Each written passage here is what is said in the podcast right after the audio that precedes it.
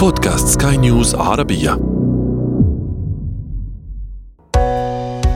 حياتنا.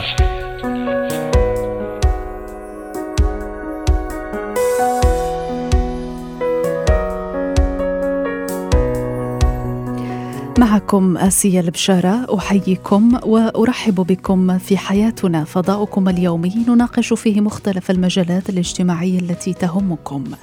الحالات التي تجعل الابتعاد عن شريك الحياة مفيد للعلاقة.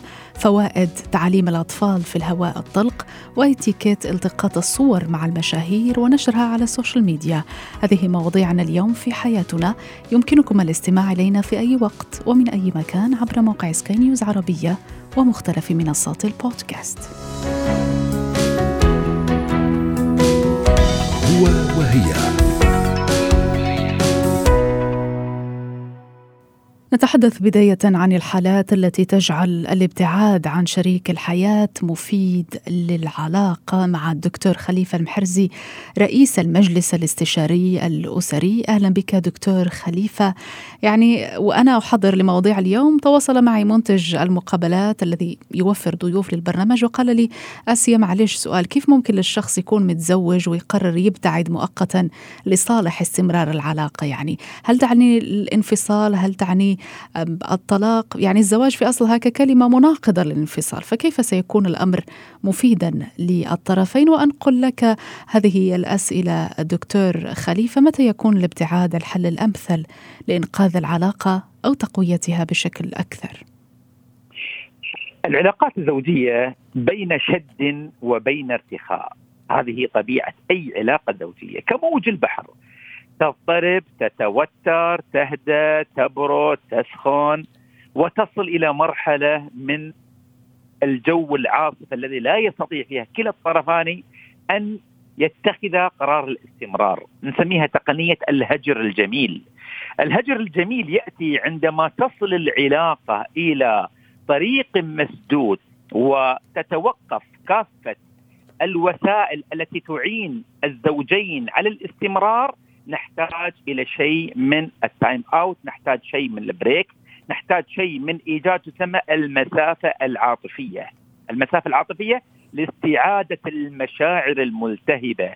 المسافة العاطفية لإعادة إحياء واذكاء المشاعر التي أصيبت بالتسمم العاطفي، هنا ننصح بإيجاد هذه المسافة العاطفية لإعادة ترتيب الأوراق و التفكير مرة أخرى هل نود الاستمرار؟ نعم. من الأصلح أن نتوقف في هذه العلاقة الزوجية. دكتور خليفة سألنا مستمعينا ومتابعينا على ال social media متى يكون الابتعاد المؤقت عن الشريك الحياة مفيدة للعلاقة.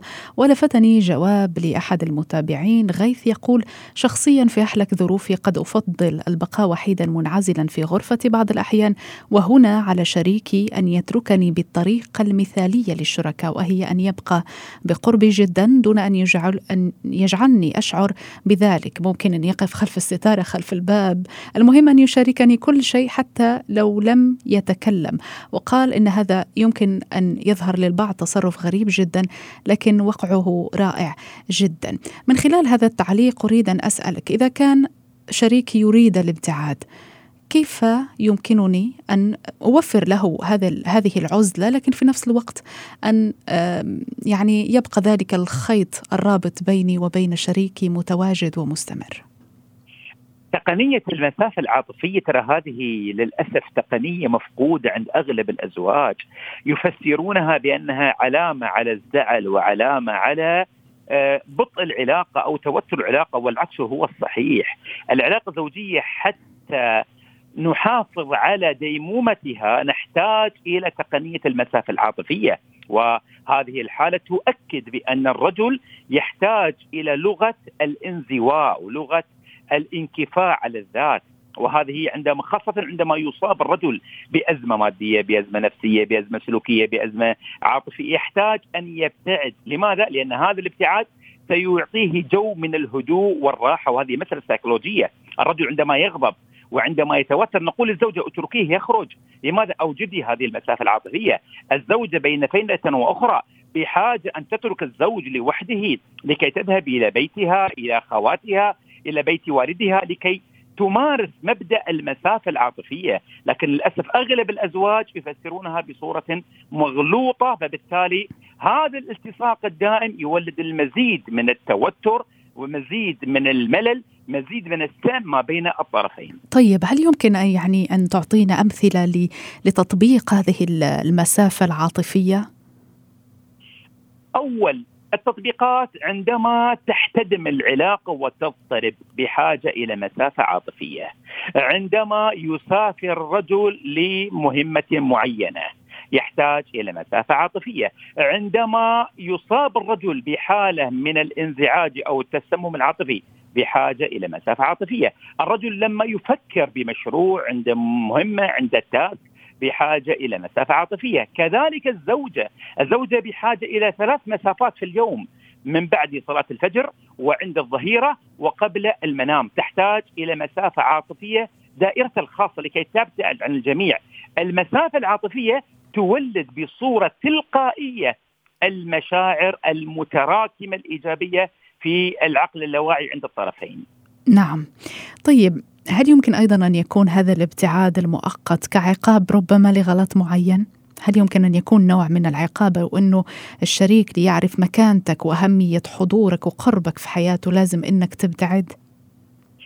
هنا يجب أن نفرق بين المسافة العاطفية وبين الهجر الذي يستخدمه الرجل كعقوبة عندما يمارس التراكم الانفعالي مع زوجته. إيش الفرق بين الاثنين؟ المسافة العاطفية مدعمة بالاهتمام، بالسؤال، بالاتصال، هذا تسمى المسافة العاطفية، أما الهجر هذه تسمى إحدى أدوات العقوبة وهي موجودة في دين الاسلامي واهجروهن في المضاجع، فهذا الهجر يصاحبه الكثير من الغضب من التجاهل من عدم الرد من عدم التواصل. لكن المسافه العاطفية أنا أريد أن أطمئن عليك من بعيد دون أن أقترب من مسافتك الخاصة. هذا الفرق بين هذا وبين مفهوم الهجر اللي نسميه العقوبة العاطفية. طيب تحدثنا آه، ربما بشكل أكبر عن الرجل الذي يحتاج عن, عن الذي قد يكون يعني أكثر حاجة لهذه العزلة كما أشرت، لكن كيف نوضح لأنه المرأة أيضا تحتاج مرات لأن تكون لأن تبتعد. كما قلت تروح عند أخواتها صديقاتها أنه تبتعد. ما أهمية أن الرجل يحترم كذلك هذه الرغبة؟ وكيف يمكن للمرأة أن تنفذ هذه المسافة العاطفية بشكل كما قلنا سابقا يترك يعني ذلك الود والمودة بينها وبين شريكها مستمرة؟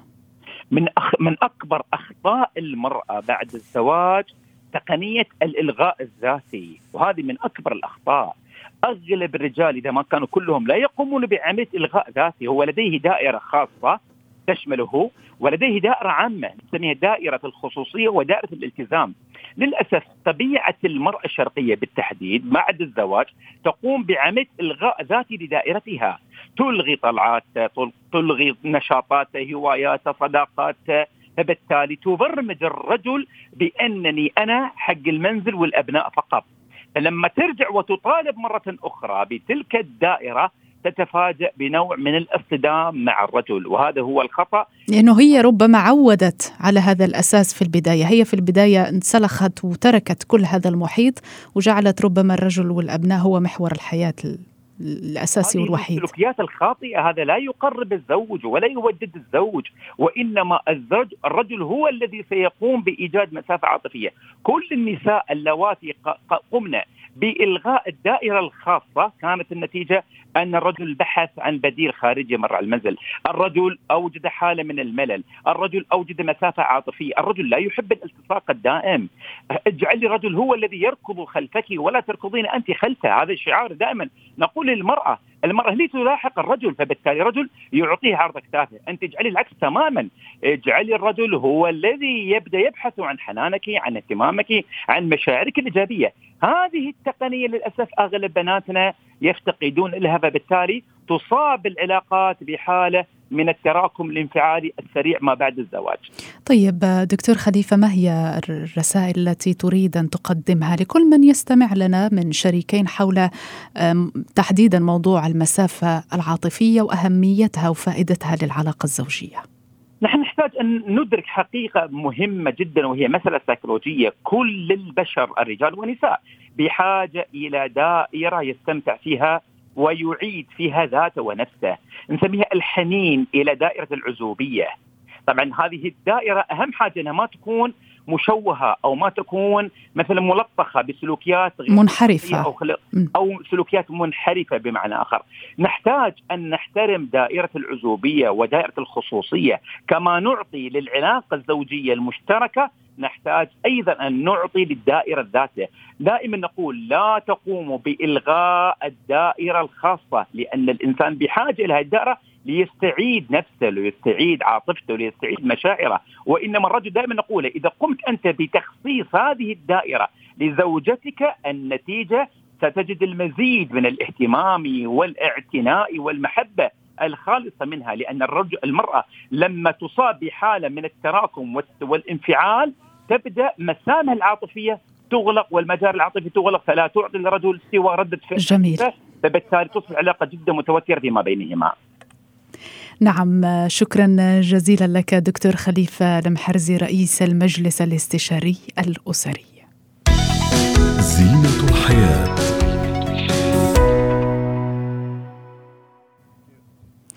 نتحدث الآن عن فوائد تعليم الأطفال في الهواء الطلق لهذا الغرض. تنضم إلينا الأستاذة ديما العالمي الخبيرة التربوية والتعليمية. أهلا بك أستاذة ديما. أثارت انتباهي مدارس ما يسمى مدارس الغابات في دول أوروبية وآسيوية أيضا وحتى ربما فصول دراسية خارجية في بعض الدول العربية يبدو وكأنها ستكون المستقبل. حدثينا عن أهمية هذه الفصول الدراسية الخارجية وتأثيرها الإيجابي على الطفل.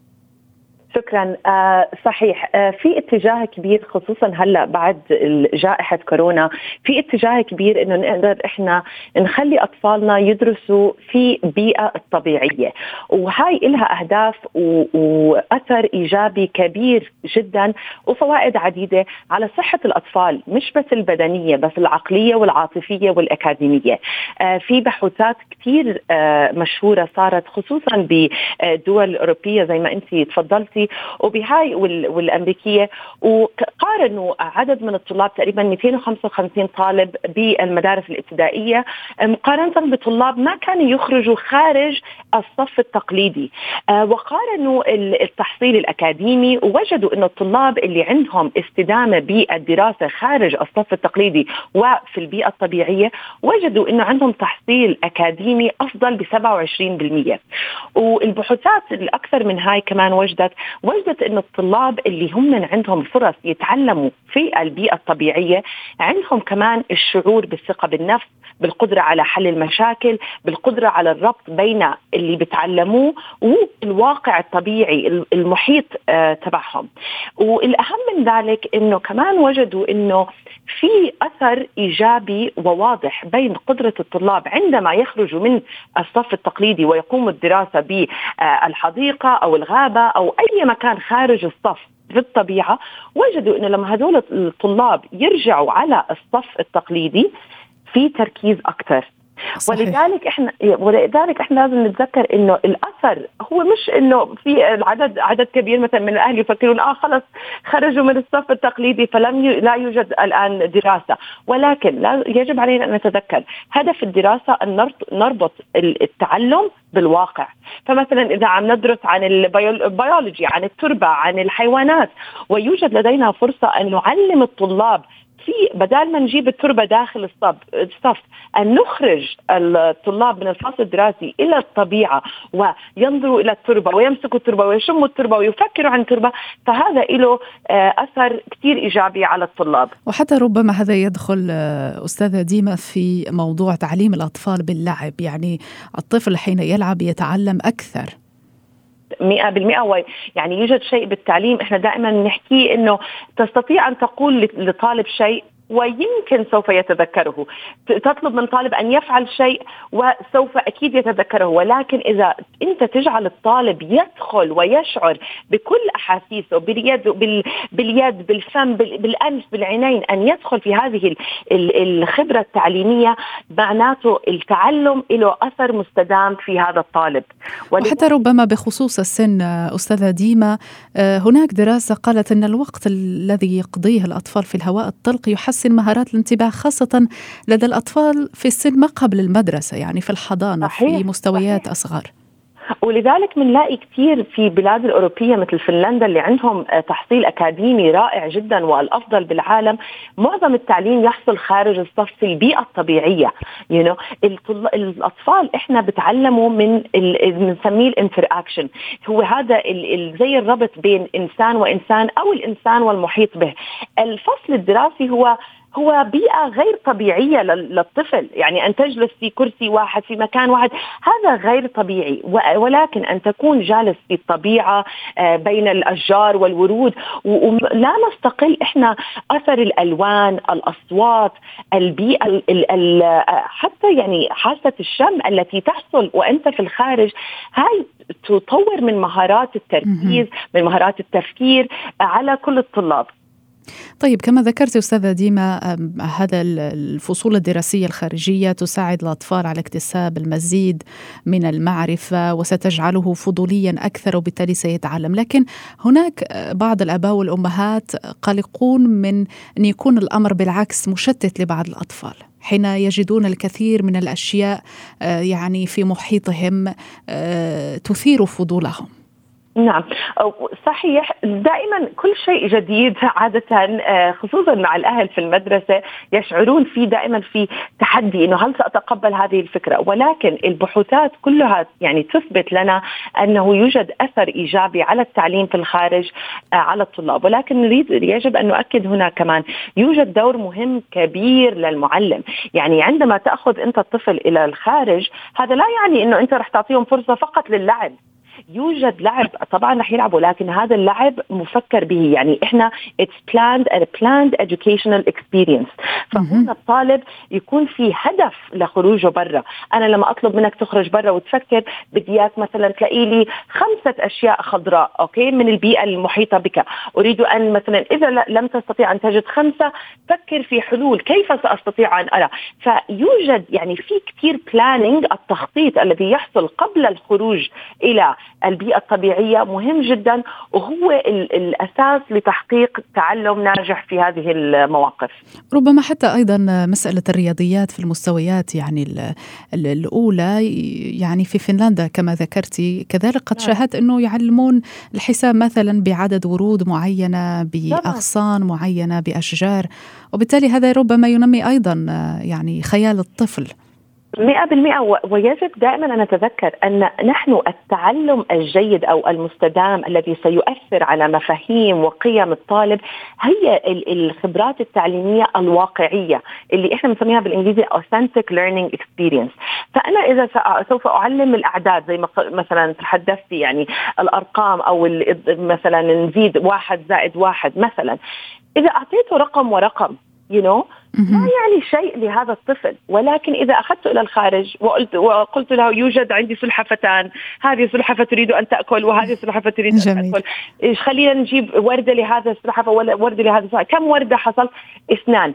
هذه الخبرة التعليمية سوف ترسخ بعقل الطفل كثير أكثر مما أنا أعطيته رقم واحد من الفضاء. بلا شك. نعم بلا شك. كما ذكرتي أستاذة ديما لا شيء أنجع ربما من التعليم الواقعي للأطفال. أيه. نشكرك جزيلا الأستاذة ديما العالمية الخبيرة التربوية والتعليمية. اتكاد.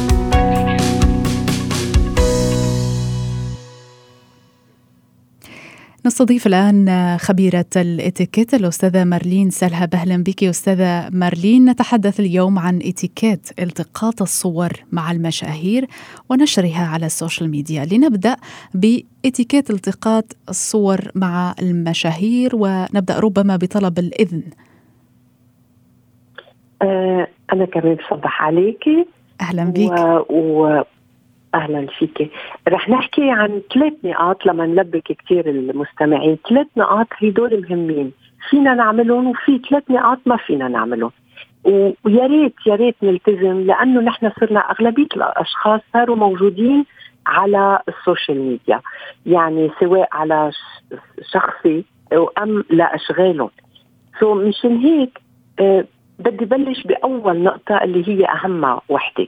نحن فينا أكيد ننشر صورة إذا نحن اخذينها بنفسنا. الشخص أخذ صورة هو التقى بسليبرتي آه حتى لو كان بعيد بمطعم آه هو أخذ صورة أكيد في نزل الصورة. هلا ثاني نقطة فينا نعملها هو فينا ننشر نحن صور آه إذا عنا من مواقع معينة إذا نحن سامحينا عنا إذن صريح إنه نحن فينا ننشرها يعني هي بتكون آه، مدام أمل خالية من حقوق الملكية. يعني ممكن لأي شخص ممكن يقدر يستخدمها. هلأ المهم نتحقق دائما من شروط الاستخدام لأنه عم عم بيصير في كثير مشاكل. بعض ال ال شو بيقولوا مثلا مثل جوجل مثل في عندهم أشياء مجانية فينا نستخدمها لأغراض شخصية فينا نحطها على الفيسبوك على الإنستا آه، بس مش دائما لنا حق نستعملها صحيح هذا بالنسبة للنشر تتحدثين بالنسبة لنشر أو أخذ هذه نعم. الصور أستاذة مارلين لكن إذا كنت أنا مثلا شفت شخص من الفنانين أو من المشاهير وأردت أن ألتقط نعم. صورة معه لا.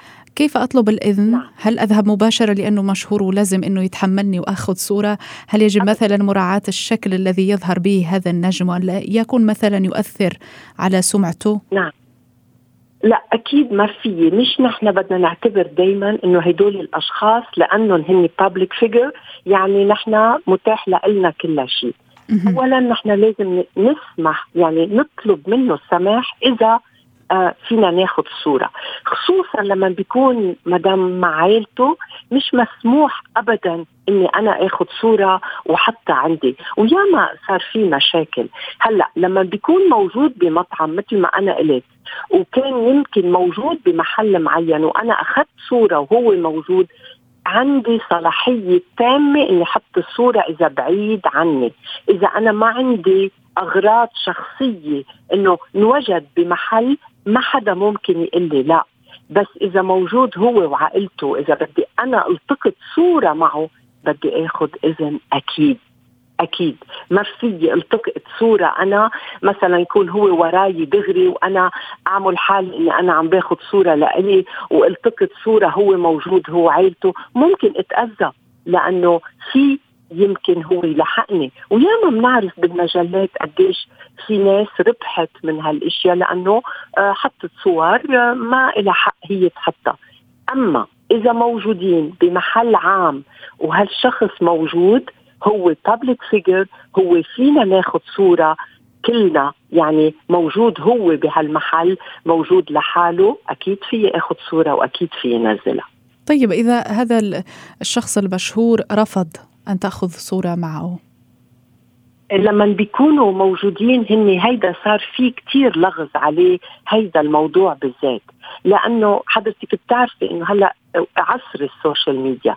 بس حضرتك موجودة بأوتيل أم موجودة بصالة. وفي آه هالشخص المشهور معزوم بهالعزيمة اللي موجودة. أنا آخذ صورة في أقول إنه أنا موجود بس إذا أنا انوجدت بمحل هو let's say مع عائلته عم بيتغدى بمطعم معين. أنا ما في إجي ألتقط صورة لإله ولعائلته ونزلها على ال social media. في فرق بالمكان اللي نحن موجودين فيه. إذا هو موجود لدعاية هو شخصية لإله أنا ما في مانع إني أقول إني كنت موجودة بهالحفلة أم في كان فلان مغني أم آآ آه، آآ آه، ما بعرف أنا ممثل أم أم إنسان يعني مشهور. ما ما حدا بيقدر يلحقني. بس حسب المكان اللي موجود فيه. let's say حضرتك أوقات تشوفي ماشي على الطريق هو وعائلته وباخذ له أنا صورة من دون ما أطلب أي إذن منه. ما بحق لي. أما أنا موجودة بحفلة حضرتك التقيتي بمغني مهم أم موجود آه، آه، بتعرفي بيبقوا معزومين عدة ناس ياما أيام بتنزل صورة ما حدا فيه يلاحقك عليها لأنه هالمحل هو موجود لا يمكن هو بيشتهر زيادة صحيح. يعني. حتى أستاذة مارلين هناك ظاهرة يعني نجدها كثيرا على السوشيال ميديا وهي بيكون مثلا مشاهير في جنازة معينة أو في خارجين من ربما من من المحكمة أو شيء لكن هناك أشخاص يقحمون أنفسهم لأخذ صورة معينة. نعم. كيف تجدين هذا التصرف؟ ابدا هيدا مش مسموح. سبق وقلنا المكان اللي نحن موجودين فيه. يعني شخصي واحد طالع من عزا ممكن يكون عزا قريب ممكن يكون هو نعم. موجود كثير قد إيه عم بيصير إشكالية من هالنوع مش مسموح نحن ناخذ له. نعم يعني هذا أمر مرفوض كما أمر مرفوض نعم. كما قلتي أستاذة مارلين سلها بعتذر لضيق الوقت كنت معنا خبيرة الإتيكيت. حياتنا.